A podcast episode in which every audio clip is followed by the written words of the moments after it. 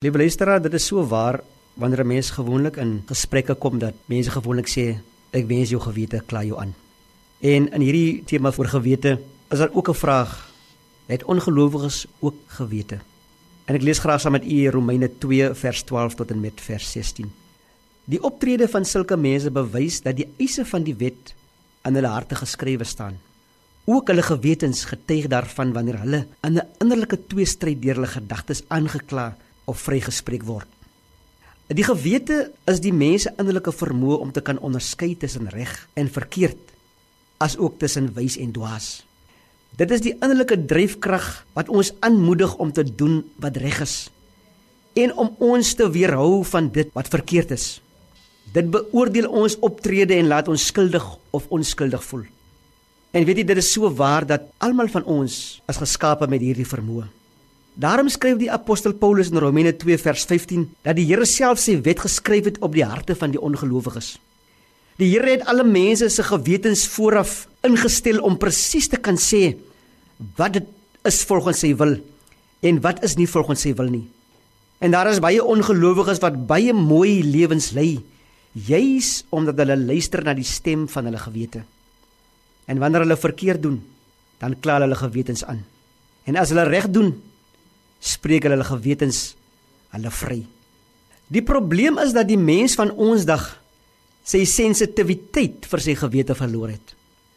Ons kry dikwels die boodskap dat skuldgevoelens nadelig is vir jou en dat jy daarvan ontslaa moet raak.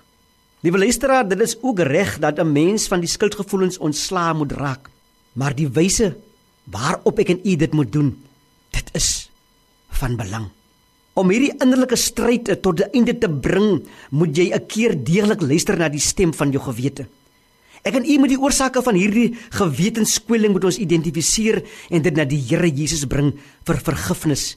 Ja, ek en u moet ons sonde en ons skuld bely. Daarom sê die woord, as ons ons sonde bely, is die Here bereid om ons te vergewe. Dankie Here. Hy verwyder dit so ver as die ooste van die weste en hy dink nooit weer daaraan nie.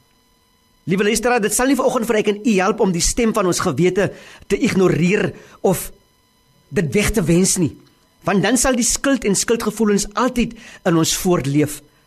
Al beweer ons ook die teenoorgestelde. Kom ons luister na die gewete, want dis waardeur die Heilige Gees ek en u wil lei.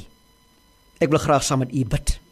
Here, help ons om elke skuldgevoel wat op hierdie oomblik woel in ons harte elke skuldgevoel, Here, Here wat ons so aankla soms, Here, help ons om dit te kan hanteer.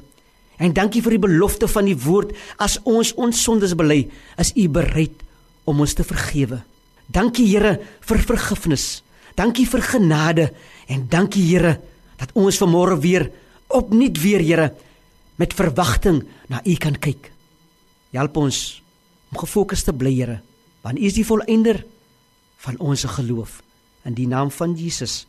Amen.